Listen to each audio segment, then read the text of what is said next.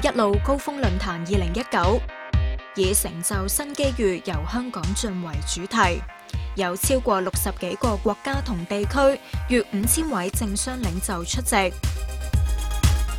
多位领袖喺政策对话环节中谈及推动区域合作嘅战略联盟。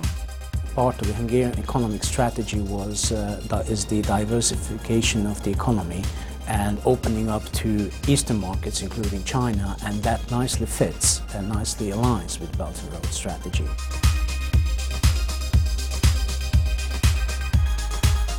《政策對話》環節同五燕鼠論壇嘅演講嘉賓強調「一帶一路」倡議嘅影響力同優勢。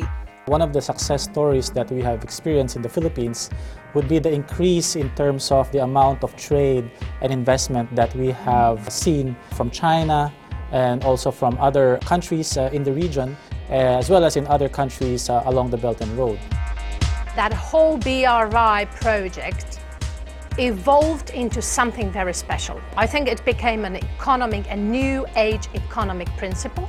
That is what Slovakia can offer.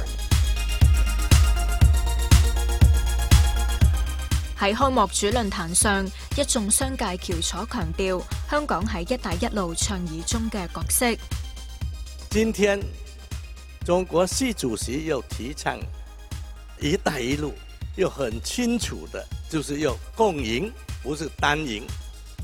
香港嘅特殊的地位呢，对我们向外发展呢，有莫大的方便嘅地方。香港发挥这个“一带一路”的这个重要性呢？是非常明显的。一带一路更获得力寶集团嘅支持，重点在于中国喺区内推动嘅数字化改革。I think that same change is about to take place in Indonesia, but even at a faster pace.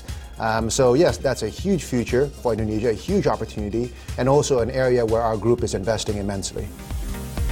为期五日嘅一带一路周，焦点落在香港係一带一路嘅角色。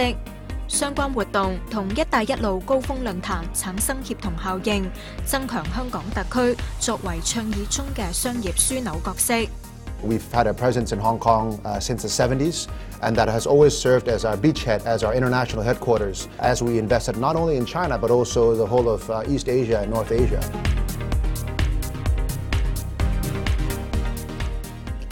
今年峯會主題論壇。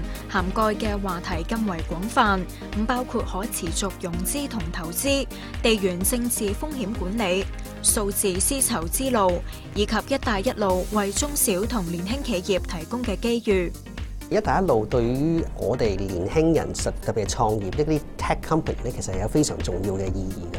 因為其實俾咗我哋一個好特別嘅機會，呢個機會就係將我哋喺香港、內地之前累積咗嘅科技啊，同埋金融嘅經驗咧，可以發展喺一啲新嘅 fast developing 嘅國家。咁其實我哋一路去揾一啲好 energetic 嘅 market，mobile penetration 好高嘅，或者用 e-commerce 好高嘅市場，因為呢啲市場咧對未來 fin tech 嘅應用咧，其實有好大嘅機會嘅。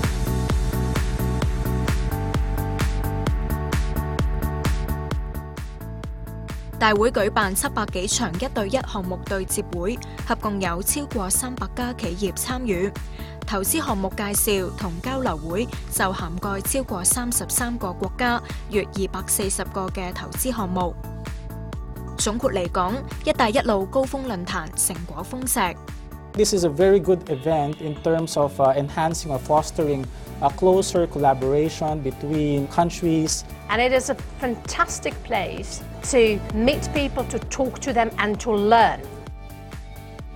I think it's about opportunity. Uh, I think people recognize the opportunities that lie ahead. So it's a very exciting time and atmosphere here at the Belt and Road Summit.